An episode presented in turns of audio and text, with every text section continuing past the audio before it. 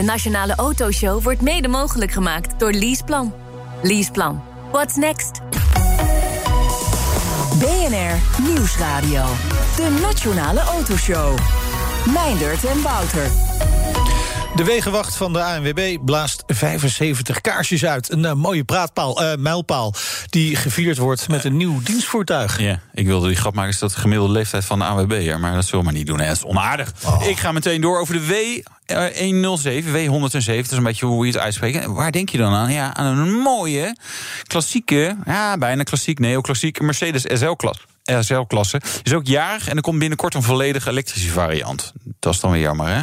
Of niet? Ah, ik weet het niet. Ja, ja, ik denk het wel. Ja, ja, ja, eigenlijk wel. Nou wel. goed, in de rijimpressie de Peugeot 508 PSE. Peugeot Sport Engineerd. Ja, oftewel een plug-in hybride met eh, behoorlijk wat pk. Ja, en een leuke, leuke plug-in. Dus er kunnen ook leuke plug-in hybrides Hmm. Ja, eh, dat is worden waar. gemaakt. Dat is waar. We gaan het zo over hebben. Maar eerst Erik Mark Huytema, directeur-generaal van de ACEA. Ja, je mag ACEA zeggen. Ja, leuk net, hè? Niet AC. Ja, maakt het leven een stuk gemakkelijker eigenlijk. Europese koepelorganisatie voor autofabrikanten. Welkom, leuk dat je er bent. We hebben veel te bespreken. Zeker. Dus laten we snel van start gaan. Eh, om te beginnen even de kwartaalcijfers eh, die jullie vanochtend vrijgegeven hebben. In maart, nou lekkere plus. 87,3 procent in de plus. Ja, vooral Goeie maand. Italië had eh, lekker geplust ten opzichte van vorig jaar, denk ik. Ja, vijf keer. Ja. Zo, Ja, zo. ja. Maar ja, ten opzichte van vorig jaar kon het ook haast niet anders. Hè? Nee, dat klopt. Want vorig jaar stond in Italië bijvoorbeeld... eh waren ja, alle autoverkopen stil. Dus ja, dan is het makkelijk plussen. Als ik het vergelijk met 2019... dan gaan we gewoon de min in natuurlijk. Eh, er was ook nog iets aparts. Want alle landen plussen in maart. Alle landen in Europa. Behalve- Nederland. Goh. Ja, en min, min 18% in Nederland over eh, afgelopen maand is echt ten opzichte van de rest van de landen natuurlijk een groot eh, verschil. En ja, eigenlijk hardop nadenkend. eh, Komt dat natuurlijk door een vooruittrekking van een aantal elektrische auto's naar december. in verband met de belastingmaatregelen natuurlijk, de bijtelling. Bijtelling ging van. Ja, van 8 naar naar 12. 12. Precies. Ja, en als je ik dan. moest even nadenken hoeveel het nou weer was. Want elk jaar gebeurt er weer wat. Ja, dat is eigenlijk jammer. Want het was heel mooi geweest. De overheid had nu in het kader van corona kunnen zeggen: oké, we doen dit. We houden het even een jaar vast. Dan waren er veel meer elektrische auto's eh, verkocht. En ook dit jaar hadden we dan meer elektrische auto's op de weg kunnen krijgen. Wat natuurlijk voor de automobielsector in zijn geheel. Eh, in de verandering die we aan het doormaken zijn van belang is. Want er wordt gekeken naar de gemiddelde uitstoot per merk. En ja, hoe meer elektrisch, hoe beter dat is, Ja. hoe minder boetes te betaald moeten worden. Ja, maar het is wel een beetje prik voor eigen parochie als je de, verbond van automobielfabrikanten bent, toch? Dat klopt. Ja, klopt. Ja, is- Mag je hem ook niet helemaal kwalijk nemen? Nee, nee, nee, dat, dat is natuurlijk waar. Ehm, januari was slecht eigenlijk ook, hè? min 24 procent. Eh, Februari min 19,3 pro- procent. Ja, is eigenlijk niet echt herstel dus, hè? Dus het gaat moi. Gaat Het gaat moi, het gaat zeker slecht. We, eh, we hadden eigenlijk gehoopt op een grote herstel begin dit jaar. Ja. Maar ja, ik weet nog, we stonden hier een jaar geleden, stond ik hier aan dezelfde microfoon. En toen eh, dachten we eh, dat corona ons zou raken, maar eind van het jaar weg zou zijn. Ja. Nou, inmiddels weten we beter. Wij hopen nu nog steeds op een herstel dit jaar. Ja, we hopen we dit hopen jaar. nog steeds dat het eind van het jaar weg is. Ja, nou ja, goed. eh, Als we een beetje doorprikken, denk ik dat dat misschien moet kunnen. En dan hoop ik dat mensen eh, ja, hun eh, uitgestelde aankoopbeslissingen voor een nieuwe auto gaan, eh, gaan inlossen. We zien wel een sterke stijging van tweedehands auto's, omdat er veel mensen uit de bus en de trein toch nog even een tweedehandsje hebben gekocht. Ja, ja. en je kan niet, eh, je gaat niet vliegen met vakantie. Dus je hebt hè, automobiel. Eigenlijk is het alleen maar goed nieuws voor automobiliteit. Ja, dat klopt. En het is heel leuk om te zien als je kijkt naar China en Korea, waar ze natuurlijk eigenlijk uit deze misère zijn. Ja, je vraagt me niet hoe, maar goed, ze zijn eruit. Eh, daar worden dus nu eh, vier keer zoveel Rolls Royces verkocht. Heel veel AMG's, heel veel M7's, et cetera. Oh, als dat nog hier zou kunnen gebeuren straks. Leuk. Maar eh, je, Ja, je- gebeurt hier ook wel. Alleen Ja, zeg maar niet voor normale mensen. Nee, oh. maar maar eh, je, je geeft duidelijk aan dat dit te wijten is aan corona. Het is ook logisch, maar er speelt misschien nog wel iets. En dat is tekort aan chips. Ja, dat is een, een, een moeilijk onderwerp. Want het is uh, voor volgens mijn gegevens uh, per leverancier verschillend. Er zijn er een aantal die hebben daar eigenlijk geen problemen mee. Die hebben dus de orders niet gecanceld toen ze vorig jaar, nou laten we zeggen rond de zomer, dachten van het gaat slecht. Uh, anderen hebben dat keihard gedaan. Die hebben gesaneerd in de inkoop. Ja, en die moeten dus nu achteruit het rijtje als er nieuwe chips worden dus eigen schuld, dikke bult. Nou, het is lullig om te zeggen, maar uh, ja, maar ik begreep ook wel dat er toeleveranciers zijn geweest die hebben gezegd van ja, wacht even. Want die moeten ook chips bestellen natuurlijk voor de, de producten die zij weer leveren aan de OEM's. Ja. Uh, waarbij de OEM's hebben gezegd, nou produceer maar en stuur maar naar ons toe. Maar dat die toeleveranciers hebben gezegd van nou, wacht even, we, we stellen even uit. Ja, dat klopt. Er is natuurlijk wel een tekort. En uh, het is niet altijd de schuld van de, de OEM. Uh, het zijn vaak de suppliers die eigenlijk in die, in die, lijn, in die lijn naar de automobielproductie uh, de bottleneck zijn. Ja, maar is dan die supply chain gewoon ook niet helemaal goed, zou je kunnen zeggen? Hij is gewoon niet transparant, blijkbaar. Nou, hij was goed als alles goed gaat. Ja. En hij is niet goed als er iets, als er een kink in de kamel klopt. Het is echt just in time en de laagste prijs natuurlijk. Ja, uh, uh, ja en dat, dat, uh, ja, als er dus iets misgaat, dat kan ook een boot dwars in het Suezkanaal zijn. Ja. Dan. Uh, ja, dan gaan er dingen mis, ook in de productie. Gelukkig die chips, je vliegt een doosje van, uh, laten we zeggen, 5 kilo over de oceaan of vanuit Taiwan naar hier. En daar zit dan voor een miljoen aan chips in. Maar daar kan je wel 10 uh, miljoen auto's mee maken, uh, of veel meer zelfs. dus ja, op zich is het, is het van een boot in het Suezkanaal hebben we weinig last. Maar het is gewoon de grote vraag naar chips voor mobiele, voor laptops en gamecomputers, die in waanzinnig demand zijn op dit moment, omdat iedereen thuis zit ja. uh, te werken. Ja. Ja. Uh, iedereen zit thuis te werken. Uh, nog steeds een beetje corona. Maar aan de andere kant wel, mensen gaan niet meer het OV in. Dus ja, wat, wat verwachtingen voor, voor het komend jaar, voor, voor, voor, dit jaar? Weet je, gaat het goed komen met autoverkoop of, of blijft het een beetje kwakkelen?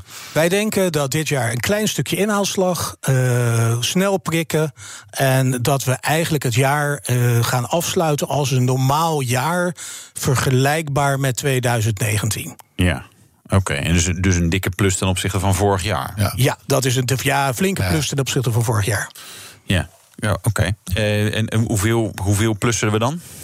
Nou, ja, vorig jaar hebben we zo'n 3 miljoen auto's ingeleverd. Uh, als we die dit jaar weer kunnen inhalen.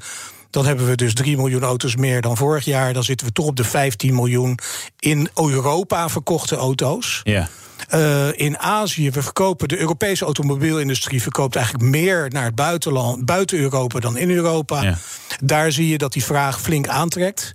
Dus de automobielfabrikanten zijn op zich, zien zij een stijging ten opzichte van uh, vorig jaar, maar ook vanuit 2019. Dus daar is eigenlijk uh, de misère achter de rug. in het buitenland, vooral China en Azië, Midden-Oosten, worden veel auto's verkocht. Amerika trekt weer aan ja, alleen Europa blijft nog wat achter. Ja, we zijn een beetje langzaam hier. Ja, dat komt, uh, ja, dat komt ook toch weer corona-related natuurlijk. Ja, en, en belastingen speelt het daar ook nog een rol in? Dat is natuurlijk zeg maar, aan de ene kant een Nederlands probleem. Maar er zit natuurlijk meer in Europa dat er steeds meer druk op CO2-uitstoot. Auto's worden langzaam wel echt wel weer duurder. Uh, of, of is dat niet een Europa-breed probleem? Uh, je ziet dat ook. Uh, nou, het is wel meer in Europa dan in de rest van de wereld.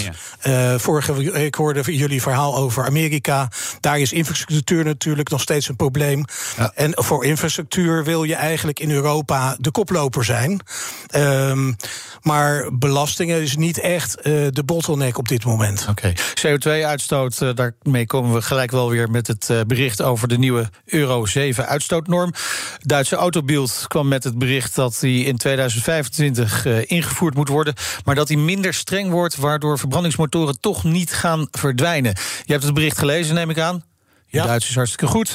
Klopt het? Stimmt nee. het? Klopt totaal niet. Want uh, het is natuurlijk. Wij zitten in Europa. Uh, we zitten echt. Wij, wij krijgen er zelfs de gelekte documenten voordat ze uitkomen. En wat daar de Duitse beeld zegt, is, is pure onzin. Uh, de strijd moet nog gestreden worden. Euro 7 is echt heel erg voor de verbrandingsmotor. Uh, het is inderdaad zo dat je daarmee eigenlijk een deel van de uh, auto's onmogelijk maakt om te produceren. Vrachtwagens hebben er nog veel meer last van trouwens. En die hebben eigenlijk geen alternatief. Uh, Maar de, de gelekte verhalen, of de, de verhalen van Beeld zijn een beetje te vroeg. Uh, eigenlijk is de, de oorlog nog niet begonnen en zij claimen al de winst, de overwinning. En dat is echt niet dat is echt on, on, stom, want ook de lobby die wij voeren, laten we eerlijk zijn, om die normen naar beneden te krijgen, die wordt niet geholpen om nu te zeggen: ja, we zijn er al. Want dan gaat juist uh, het parlement en de commissie natuurlijk nog even tandje erop doen. Ja, maar aan de andere kant is het niet gek dat ze dat natuurlijk nu roepen. Hè? Want 2021 is het nu, 2025 gaan die normen in. denk je, nou, het duurt nog wel even. Maar ik bedoel, die beslissingen die zijn, die moeten eigenlijk zo'n beetje al genomen zijn om die motoren te ontwikkelen en keuzes die we maken. Dus in die zin denk ik, ja, nou ja, zo gek is het toch niet. Het is een behoorlijk kort dag om, om hier nog überhaupt iets in te kunnen veranderen. Ja, veel te kort eigenlijk. Dat is ook het bezwaar wat wij nu roepen uh, richting Europa. Van jongens, kom nou wat eerder met de, wat je precies wil. Maar kom ook met realistische oplossingen. De sensoren die in Euro 7 nodig zijn, die moeten nog ontwikkeld worden. Dat lukt je gewoon niet in vijf jaar. Nee. Uh, zeker niet als je, ze, als je ervan uit moet gaan dat elke auto die vandaag op de markt komt, heeft twee jaar geleden uh, is die de productie ingegaan qua tekenen, et cetera. De RD daarvoor nog twee jaar. Dus je, je zit gewoon in vijf okay. jaar. Uh, uh, kan je geen veranderingen meer accepteren. Maar wat, wat, is dan nu de stand van zaken? Want je, je zegt die norm die was vastgesteld, die was eigenlijk totaal onhandelbaar. Ja. Waar zitten we nu?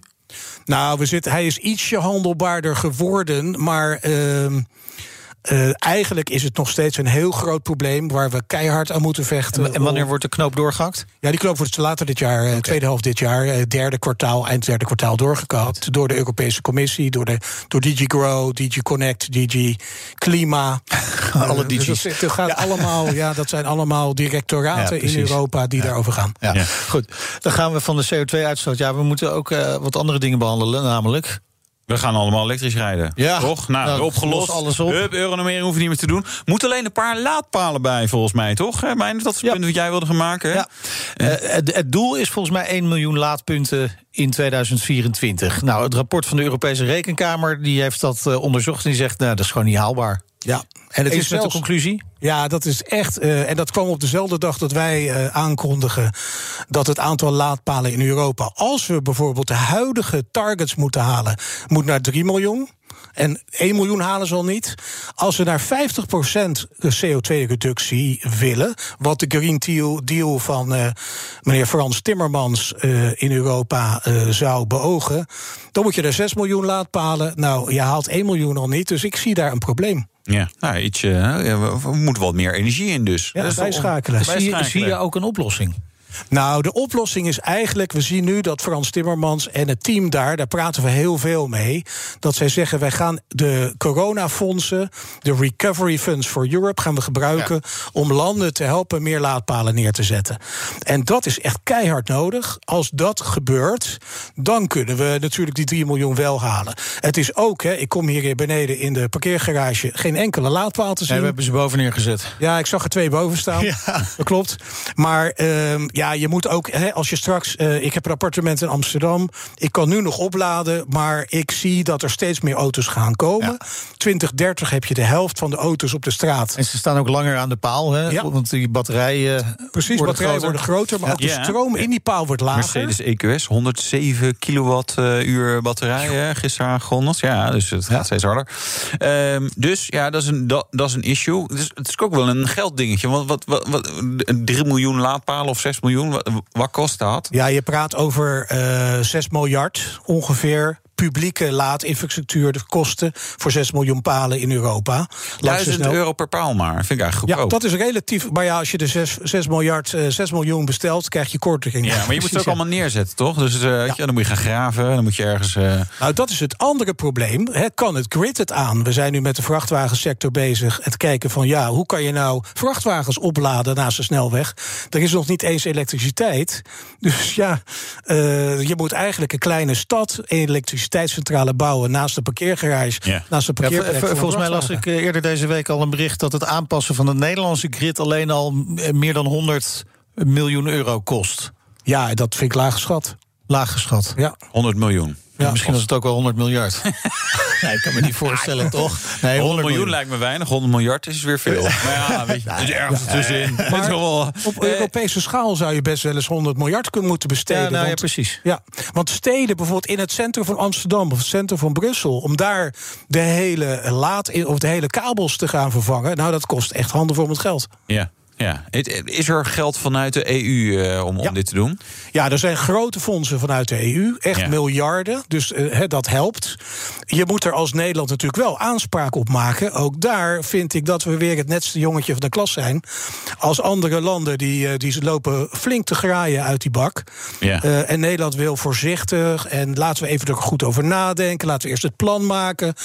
en ik zou zeggen, doe lekker enthousiast. Vraag zoveel mogelijk aan, zo vroeg mogelijk. Ja. En samen met de RAI bijvoorbeeld uh, willen we daar graag aan werken. De Nationale Autoshow.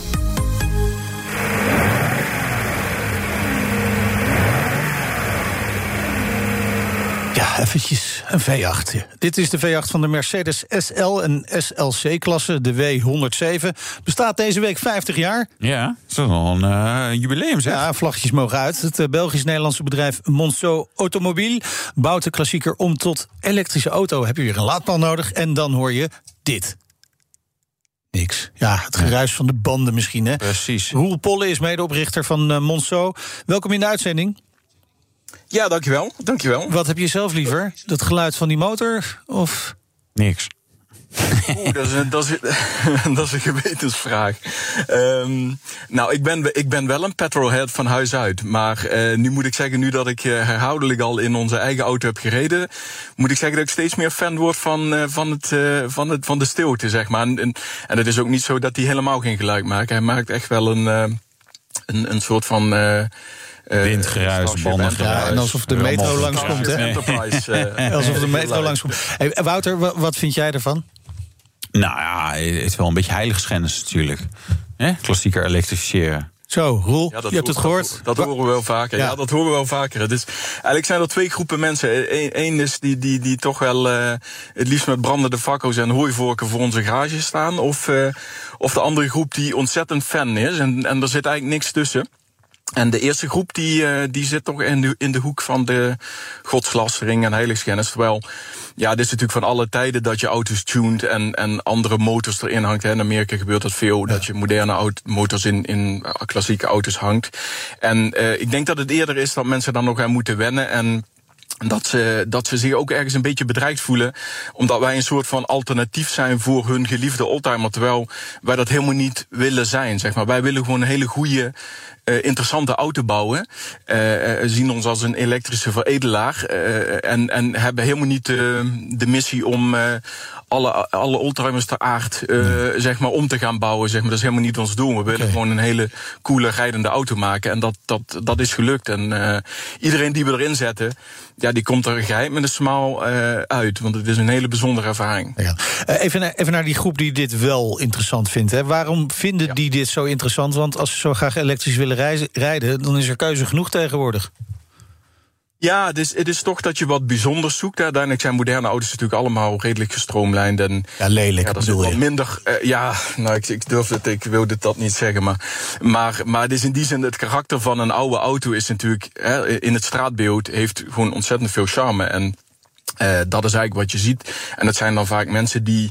Um, niet heel erg gecharmeerd zijn van het van de, de, de ja, toch wel de, de ja, hoe, hoe zeggen liefhebbers dat, de, de, de, de het charme van de auto, zeg maar. maar die niet eigenlijk uh, het leuk vinden om uh, op de, uh, zeg maar op de A2 op de vangrail te zitten, naast de A2. of, of olie op de vloer te hebben, of het hele weekend als je een weekendje weggaat naar benzine te stinken.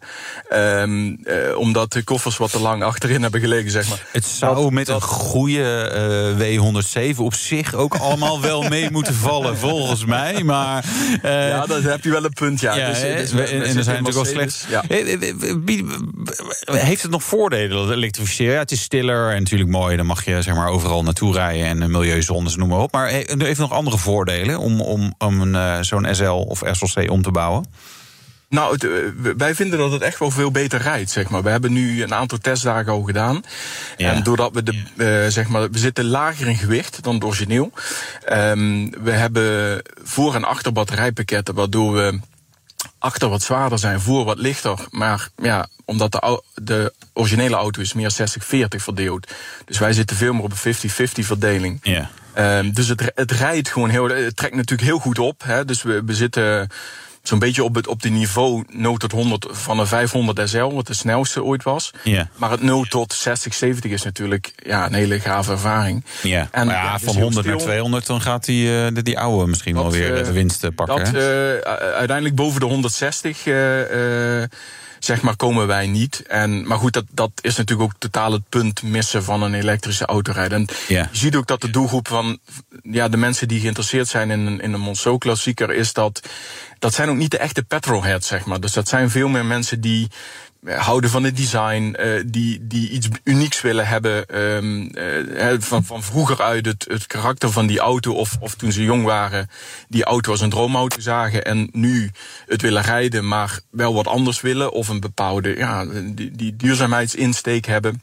Eh, maar inderdaad ook, ik, ik hoop dat uiteindelijk als we mensen erin eh, inzetten... en ik wil jullie daar van harte voor uitnodigen als we de auto klaar hebben...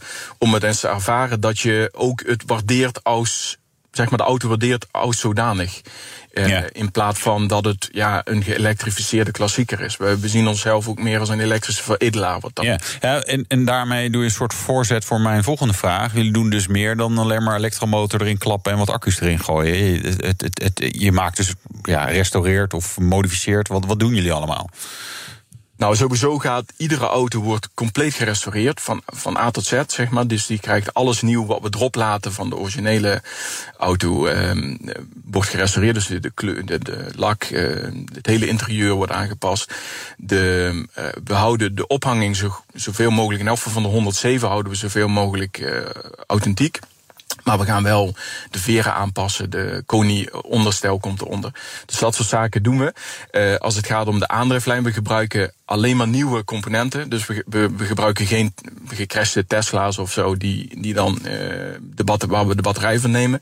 We, we hebben gewoon een, een nieuw batterijpakket. 52 kilowattuur eh vloeistof gekoeld. Hoe ver kom je daarmee?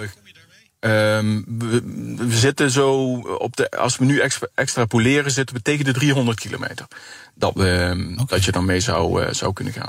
En, wat kost, Ehm, en wat kost het? Ja, dan komt die, de hamvraag. Vanaf 169.000 ex-BTW. Oh, Zo, Erik Zo. Mark, iets Ja. voor jou? Nou ja, nee, dan heb ik toch een andere keuze. Eh, en, en moet je daar zelf de donor SL voor meenemen? Of zit die dan bij die Nee, prijs? nee, nee, dat is, Die zit erbij in. all-in. Dat is de all-in prijs. Ja, ja, ja, ja. Dat, is, eh, dat is best veel geld. Ja, maar dan rij je ook wel iets bijzonders. Ja, maar je kunt bij... veel- ik zeg altijd, het is veel geld, maar niet duur. Ja. Eh, Je kunt ook bij Brabus kan je, zeg maar, je, je SL, ook deze generatie, helemaal laten restaureren. En dat schijnt iets van een ton of zo te kosten. Oh ja. Dus, ja, maar ja, goed, dan blijf je zo'n ouderwetse vervuilende benzinemotor hebben. We, we zijn heel benieuwd hoe het gaat, eh Roel Polle. En we zullen zeker eh, zijn we geïnteresseerd om een keertje te rijden. Roel Polle, medeoprichter van Monso Automobiel. En ook dank aan Erik Mark Huytema, directeur-generaal van de ACEA. En zometeen. De ANWB Wegenwacht bestaat 75 jaar. Oh, hebben ze dan wel iets om die Monceau te repareren... als je Straks stil komt te staan eventueel? ja. Ja. en een rijtest in de Peugeot 508 PSE. Tot zo. BNR Nieuwsradio. De Nationale Autoshow. Meindert en Wouter. En nog even terugkomend op dat verhaal over het eh, Nederlands energienet. Ja. Toch 102 miljard, Miljard, ja. euro, Ja. maar wel verspreid over 30 jaar. Ja, oh, is maar Nodig om de overstap naar duurzame energievoorziening mogelijk te drie- Dat is maken. maar 3 miljard per jaar. Ja, dat valt reuze mee. Ja, dus dat is Goed te doen. eh, 200 euro per persoon. Nee, Ja. ja. veel te, ja, het is wel nodig, want dan kun je ook je Peugeot eh, PSE 508 opladen. Ja. Hè? Nieuw sportlabel, PSE. 508 is de eerste auto die onder handen is genomen. En eh, mijn oordeel hoor je straks in de rijimpressie. Maar eerst... De thans jubilerende Wegenwacht is in ons land zeer populair geworden. In het Nederlandse verkeer vervullen de bekende gele rijders een onmisbare en in alle opzichten gewaardeerde taak. Ja, de wegenwacht van de AWB viert een jubileum. De pechhulp wordt in 1946, dus exact 75 jaar geleden, opgericht. Prachtige mijlpaal die ondanks corona deze week gewoon gevierd werd. En onze gast is Rian Vreeburg, directeur hulpverlening bij de ANWB... waar ook de wegenwacht natuurlijk onder valt. Welkom, leuk dat je er bent. Een week vol festiviteiten. Ja, nou, we vieren eigenlijk al het hele jaar uh, feest. Uh, dat proberen we in ieder geval. Maar gisteren hebben we echt de jubileumdatum uh, gevierd, 15 april. 75 jaar geleden gingen we met zes Harley Davidsons voor het eerst de weg op. De motoren overgenomen van de Canadezen, ja. geel gespoten. Met de zijspan. Met de zijspan waar de onderdelen in zaten. En uh, dat is precies 75 jaar geleden gisteren. Dus het was een mooie mijlpaal. Ja, oh, gaaf dat het toen Harley Davidsons waren. Ze was ja. eigenlijk wat stoerder dan uh, nu. Rijden ze gewoon in een busje. En toen een, een Harley. Ja, nou, het was sowieso stoer natuurlijk. Hè. Ja. Ik bedoel, één, de wegen waren super slecht. Het, ja. de, de auto's waren heel slecht. Ja. Uh, ze hebben toch op die motoren door weer en wind gereden. Hè? Dat moeten we natuurlijk ook zeggen. Dus het was sowieso heel stoer. Nu is het ook nog stoer. Want ja. het door weer en wind blijven werken is ja. natuurlijk uh, ja, blijft ja, bijzonder. En langs de kant van de weg is het ook niet altijd even, even veilig natuurlijk. Maar jullie komen natuurlijk vast hele mooie verhalen van vroeger tegen. Hè? Heb, je, heb je voorbeelden? Nou ja, als je helemaal van die eerste jaren met die, met die hele slechte wegen en die slechte auto's, waren natuurlijk ook geen onderdelen te verkrijgen. Hè. Dat, dat was natuurlijk allemaal enorm schaars na de Tweede Wereldoorlog. Dus dan hoor je verhalen van uh, banden die stuk gingen en waar ze dan gras in deden om toch even verder te komen. Dat kunnen wij ons natuurlijk niks meer voorstellen. De oude verhalen van uh, nylon panties die gebruikt ja. werden om bepaalde dingen weer aan de gang te krijgen. Dus, uh, dus ja, dat zijn de mooie verhalen. Maar nog steeds hoor je wegenwachten leuke dingen vertellen. Dat ze opeens hele bijzondere ontmoetingen hebben. Laatst zijn wegenwacht, ja, kreeg opeens, dat was ook voor de corona, een zoen van een mevrouw die zo blij was. Ja, dat zijn, het blijven ja. hele diverse, bijzondere verhalen. Waren getrouwd. dat weet ik dan weer niet. Nee. Maar, uh, jullie hebben een nieuw dienstvoertuig gepresenteerd. Ja, ja, we hebben gisteren de, de elektrische Volkswagen ID4 uh, uh, in gebruik genomen. Met een aanhanger waar een uh, charger in zit. En dat is, dat is ook echt nieuw. Um, er zijn natuurlijk steeds meer elektrische auto's in Nederland. En wij, willen daar, wij moeten daar ook op inspelen. Dus we kunnen nu met deze elektrische charger ook leden die langs de kant van de weg staan, toch onverhoopt met stroom ergens, ja. even verder weg helpen naar een volgende laadpaal. We gaan ze niet helemaal opladen. Ja, maar is dat een, een, een, een, wagentje met accu's erin? Of zit er gewoon een lekker uh, dieselaggregaat in? Die, uh... Nee, nee, nee. we hebben hem zelf gemaakt, maar het is okay. echt een buitengewoon verantwoorde charger. Oké, okay, dus met accu'tjes.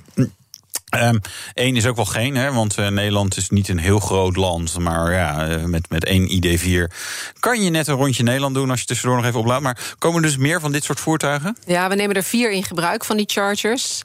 Uh, overigens niet allemaal achter een Volkswagen ID4, maar divers. Maar vier in het land, vooral in de Randstad. En dan ja. kijken we hoeveel we er gebruiken. en als het nodig is, kunnen we uitbreiden. Maar we beginnen met deze vier. Ja. Want de hoeveelheid pechgevallen met elektrische auto's op het hele wagenpark valt natuurlijk tot nu toe in aantallen ook nog wel mee. Ja, maar dat gaat wel stijgen, want we gaan allemaal elektrisch rijden. Ja, we gaan, nou, het gaat zeker stijgen. Ja, ja. Bedoel, de prognoses zijn natuurlijk echt wel dat het aandeel van elektrische voertuigen behoorlijk gaat stijgen. Maar ons wagenpark is ook oud. Hè? Dus ik denk ook dat we overigens echt nog heel lang gewoon een, met, een, met alle gewone auto's, dat we daar ook mee te maken krijgen. Dat zal verreweg de komende jaren nog het grootste deel van ons werk blijven. Ja, voor, voor, voor jullie is het natuurlijk goed, hè? Zo'n nieuw verkoop van auto's is eigenlijk helemaal niet lekker. Je wil dat, jullie, dat mensen lekker blijven doortuffen in tweedehandsjes. Want dan hebben ze zeg maar, jullie echt wel nodig. Dan heb je pech op nodig. Ja, en toch is het ook niet alleen maar zo dat mensen met oude auto's uh, ons nodig hebben. Ook, uh, ook nieuwe auto's kunnen pech krijgen.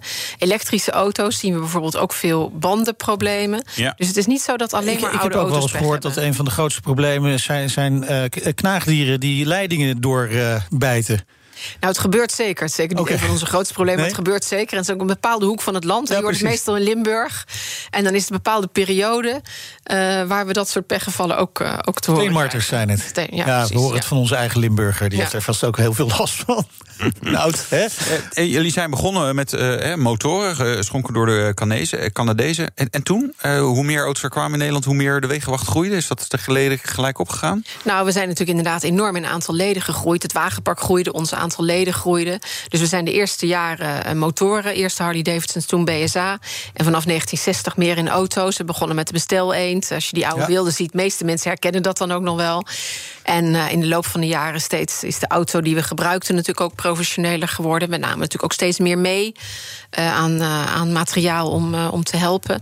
Dus we zijn gigantisch gegroeid wat betreft, wat betreft dat. Ja, want hoeveel auto's hebben jullie nu op een dag rondrijden? Nou, we hebben in totaal 900 uh, voertuigen. Dus 900 mensen ook die. Uh, en die, dat verdelen we natuurlijk over zeven dagen in de week.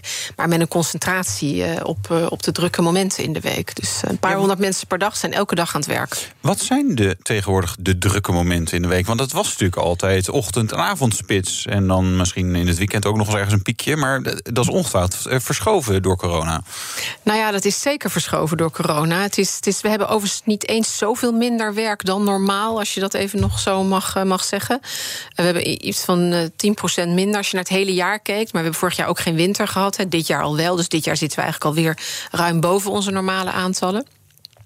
Maar het is wel verschoven. Die avondklok 9 uur en dan nu 10 uur. Dus na 10 stort het, uh, stort het natuurlijk in. Ja. Uh, we hebben veel mindere spits. Maar het is overdag natuurlijk nog wel, uh, nog wel druk. Dus wij verbazen ons soms ook dat we nog steeds zoveel werk hebben. Maar um, uh, we zien wel een heel erg ander patroon over de dag, dat klopt. Ja, is het, is het meer verspreid of is, is het juist meer in de middag? Hoe, hoe zit het dan? Um, nou, het begint later, dat sowieso. Hè. Dus Slaap het is, allemaal lekker uit. Ja, nou ja, dat is. De, maar mensen gaan meer overdag uh, ja. uh, bewegingen, bewegingen ja. maken. Ja, en, en, en, ze gebruiken natuurlijk minder het openbaar vervoer, dus pakken dan sneller de auto. Dus waarschijnlijk nee, is het dus, daarom dus, ook een beetje gelijk gebleven. Ja, ik denk dat dat zeker meemaakt. Er zijn natuurlijk vorig jaar ook meer auto's verkocht, hè, dus dat merken wij natuurlijk ook. Dus, uh, dus wat dat betreft ben ik ook benieuwd dat als het straks toch weer voorbij is, wat er dan, hoe het dan precies gaat lopen. Er zijn natuurlijk de voorspellingen lopen daar ook over uiteen. Maar wij volgen dat natuurlijk heel goed en proberen daar steeds onze, onze, onze bezetting het beste op aan te passen. Maar dat is, dit is op dit moment wel een uitdaging. Nou, nou word je natuurlijk niet zomaar wegenwachter, hè, kan ik me voorstellen. Want je moet eigenlijk alle auto's weer op weg kunnen helpen. Ja. Is dat een, een, een sterke opleiding, een zware opleiding? Nou, de eisen die we aan wegenwachten stellen... moet natuurlijk sowieso een goede vooropleiding op autotechnisch uh, gebied hebben. Ja. Dus dat, daar begint het mee. Volgens moeten ze ook communicatief goed ja, zijn. moeten geen horken zijn natuurlijk. Nee, en nee. ze moeten improvisatievermogen hebben. Dus al die dingen spelen mee. Um, en we trainen ze daarna ook nog. En dat blijven we ook continu doen. Dus, dus mensen aan het begin krijgen ze training. Maar jaarlijks moet elke wegenwacht toch een x-aantal dagen... ook technische training uh, krijgen... om van alle nieuwe ontwikkelingen ook goed op de hoogte te blijven. Ja. Nou ja, aan de andere kant, hoe hard gaat dat? Want ja, ja elektrische auto's zijn erbij gekomen. Maar is, is er echt zoveel opleiding nodig? Of is het ook specifiek op sommige automodellen die vaak voorkomen? Nou ja, maar bijvoorbeeld ook, we hebben, we hebben nieuwe testers, uh, uh, OBD-testers in, uh, in, in gebruik ja. genomen vorig jaar, waar we veel meer data kunnen lezen. Dus ook wegenwachten moeten daar natuurlijk op de goede manier mee om Je steekt eigenlijk gewoon je laptop in de auto. Daar komt ja, het op neer. Ja. En, uh, en dat is, dat is een, een, dus dat, dat vraagt, vraagt ook weer training. Dus het is niet alleen de nieuwe technieken, want elektrische auto's is natuurlijk nieuw. Maar uh, hybride auto's was natuurlijk de periode daarvoor nieuw. Nou, er zijn ongetwijfeld nog steeds nieuwe dingen.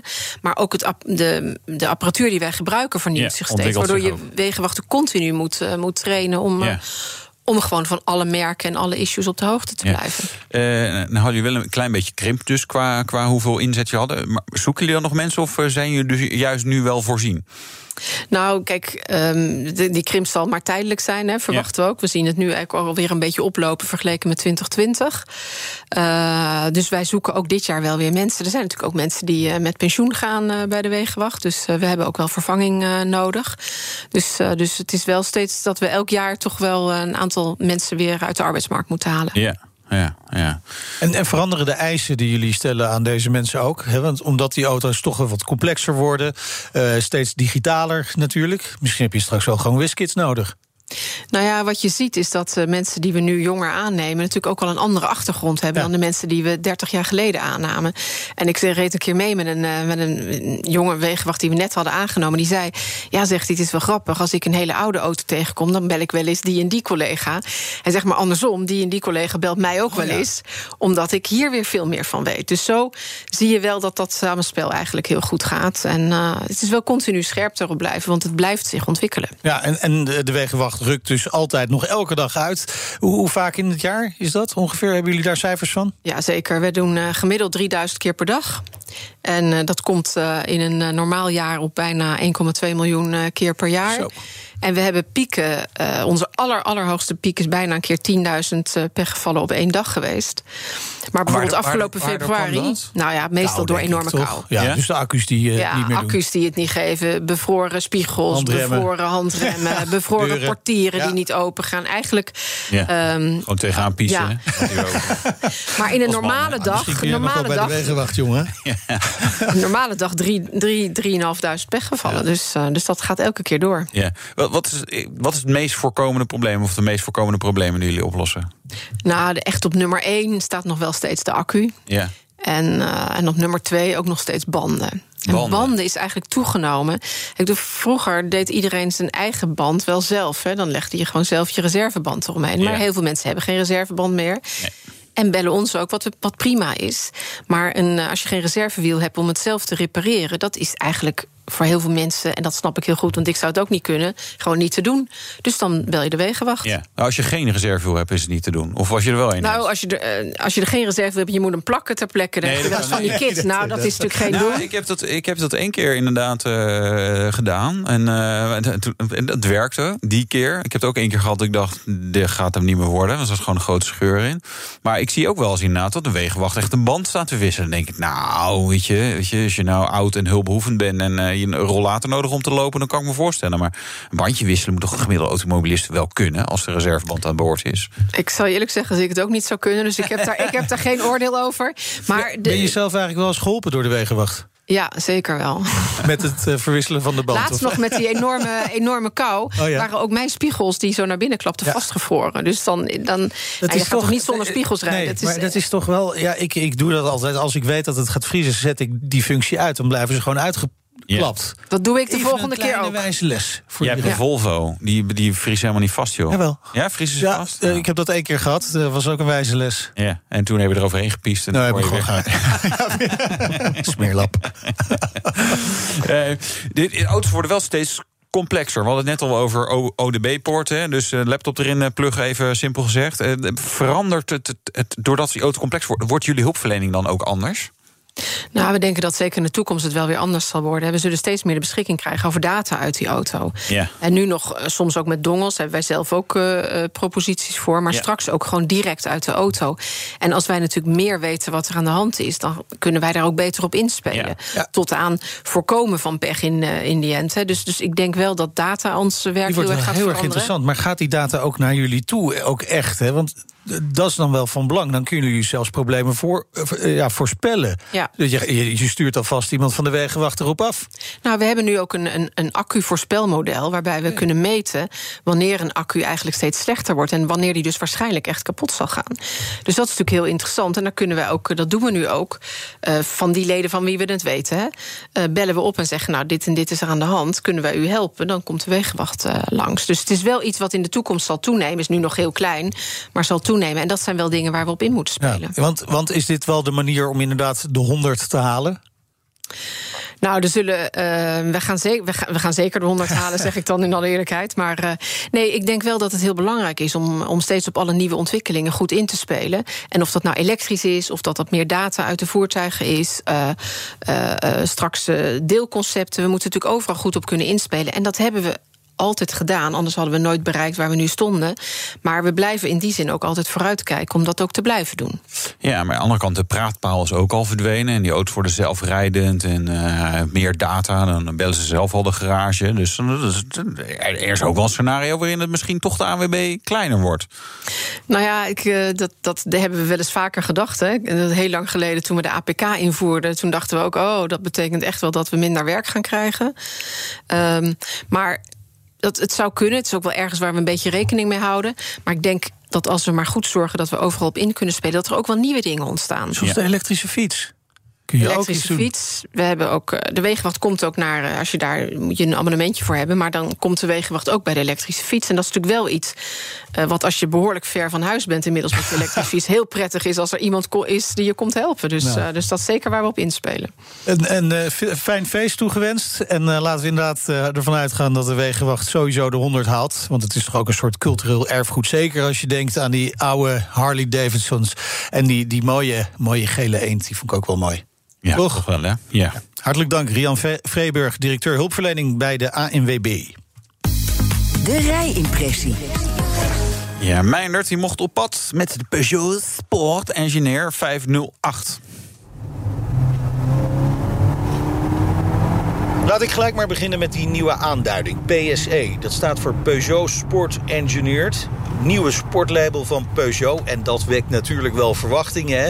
Want vroeger, 30, 40 jaar geleden... toen Meijnerd nog een klein jongetje was... maakte Peugeot furoren met sportieve uitvoeringen. Denk bijvoorbeeld aan de 205 GTI. Echt wel een iconisch model. Wilde je hebben, ik ook... Ze worden overigens weer gemaakt. Peugeot restaureert 205 GTI's. Dus als je een nostalgische bui hebt, sla je slag. Nou, de vraag is natuurlijk, komen er nieuwe GTI-modellen? Waarschijnlijk niet. Dus moeten we het met de PSE-modellen doen. Een performance plug-in hybrid. Peugeot vindt dat beter passen bij de tijd waarin we leven. En je kunt ze ook niet helemaal ongelijk geven. Want ja, iedere gram CO2 die te veel uitgestoot wordt wordt ook op een goudschaaltje gewogen, bijna letterlijk. Dit model stoot 46 gram CO2 per kilometer uit, op papier dan. Betekent een lagere BPM, helft minder wegenbelasting. Toch mooi meegenomen. Nou, de 508 is toch wel een auto die vanaf zijn introductie drie jaar geleden indruk maakt. Hè? Hij is er als Berlin, een eh, vierdeurs sedan en als Station, de SW. En die laatste die hebben wij nu meegekregen. Een grote, stijlvolle auto waar Peugeot dus het PSE-sausje overheen heeft gegoten. Wat betekent dat? Nou, allereerst een aangepaste aandrijflijn. Dit is de meest krachtige Peugeot in serieproductie van dit moment. 360 pk. Dat vermogen haalt hij uit een 1,6 liter 4-cilinder benzinemotor. Die is goed voor 200 pk. En dan zijn er nog twee elektromotoren geplaatst. Eén op de vooras, die levert 110 pk. En één op de achteras, die 113 pk levert. Sprint van 0 tot 100 doet hij in 5,2 seconden. Koppeltje van 520 newtonmeter. En de topsnelheid is begrensd op 250 km per uur. 140 km per uur als je volledig elektrisch rijdt. Nou, in de bodem van de auto ligt een lithium-ion accupakket... met een capaciteit van 11,5 kilowattuur. En dat is dus best een kleine batterij... waar je natuurlijk geen wonderen van mag verwachten. Peugeot zegt zelf dat je met de SW 42 kilometer elektrisch zou moeten kunnen rijden. Nou, wij stapten in met een actieradius van 26 kilometer. Dat is dus niet zo heel erg veel. Wordt misschien veroorzaakt door het wat koude weer voor de tijd van het jaar. Maar ja, dit is een performance model. Die wil je zo nu en dan toch gewoon lekker hoog in de toeren jagen. En dat kan. Moet je wel een uh, loeiende benzinemotor voor op de koop toenemen. Ja, het geluid is niet echt verfijnd, hè? maar de teller schiet wel lekker de hoogte in. Verwacht niet dat je met deze auto driftend door de bocht raast. Daar is hij gewoon echt niet voor gemaakt. Laten we eens even kijken naar het uiterlijk en de aankleding van deze auto. Want daar heeft Peugeot wel echt werk van gemaakt. De normale 508 is best begeerlijk, ziet er leuk uit. Maar de PSE-uitvoering is dat nog veel meer. In het oog springen aangepaste grill, zonder het nieuwe logo trouwens. Dikkere bumpers met flaps, dat zijn een soort luchtgeleiders. Aan de zijkant zitten speciale sideskirts, een paar spoilertjes, diffuser, dubbele uitlaatpijpen en, last but not least, 20-inch lichtmetalen wielen met Michelin Pilot Sport 4S-banden. Ja, kun je mooi mee op weg. Het ziet er allemaal hartstikke sportief uit, maar hij schreeuwt het niet van de daken. Kenmerkend voor de PSE-uitvoering zijn dan weer de geel-groene accenten. Opvallende kleur heet Kryptonite. Vergelijk het met de kleur van, uh, ja, eigenlijk McDonald's frietsaus. Nou, voor mensen met keuzestress is dit eigenlijk wel de ideale auto... want de PSE-uitvoering is slechts leverbaar in drie kleuren... grijs, zwart of wit. Verder zijn nagenoeg alle opties standaard... behalve het panoramisch schuifdak en de 7,4 kilowatt lader. Nou, wat kost het allemaal? Hou je vast. Aan de 508 PSE Berlin hangt een Prijskaartje van 70.700 euro. De SW-variant is nog eens 1600 euro duurder. Dat is niet goedkoop, hè? Maar ja, je krijgt er wel een hele fijne auto voor terug. Comfortabel, standaard veel opties, voldoende vermogen. Je kunt een beetje elektrisch rijden. En misschien wel belangrijker, het is weer eens wat anders dan de modellen van de gevestigde orde, de Duitse 3. En dat is natuurlijk ook wat waard. Wees onderscheidend. En dat kan met ja, deze 508 PSE. De Peugeot 508 PSE. Ik vond het echt wel een hele fijne auto. Ja, ik heb hem ook gereden. Echt, ja. En vooral als je echt mee gaat gooien en smijten... heb jij Ja, misschien wat ik zag, minder... Ik, ja, ik zag dat jij ging proberen ermee te driften, gast. Nee, weet je, ja, ik probeerde niet te driften. Dat was meer zo, joh, weet je, de, de, de, de- een autotest is om een provoceren. Dus ik denk van, nou, Ja, even, even echt te hard insturen en zeggen, dan kijken wat er gebeurt. En bij normale auto, bij heel veel auto's schuift hij dan over zijn voorwielen. Kan je eigenlijk niks, kan je alleen maar gas loslaten. En nou ja, weet je, wachten tot hij weer controle. En bij de Peugeot 508 PSE, kan mooi dat kontje zo om. Dat ik denk, ja, dit is precies wat je wil. Het is ook precies wat een Peugeot 205 GTI ook Ja. deed. Je gewoon, Ja. hè, die achterkant die doet dingen op het moment dat je hem zeg maar daartoe provoceert. Ja.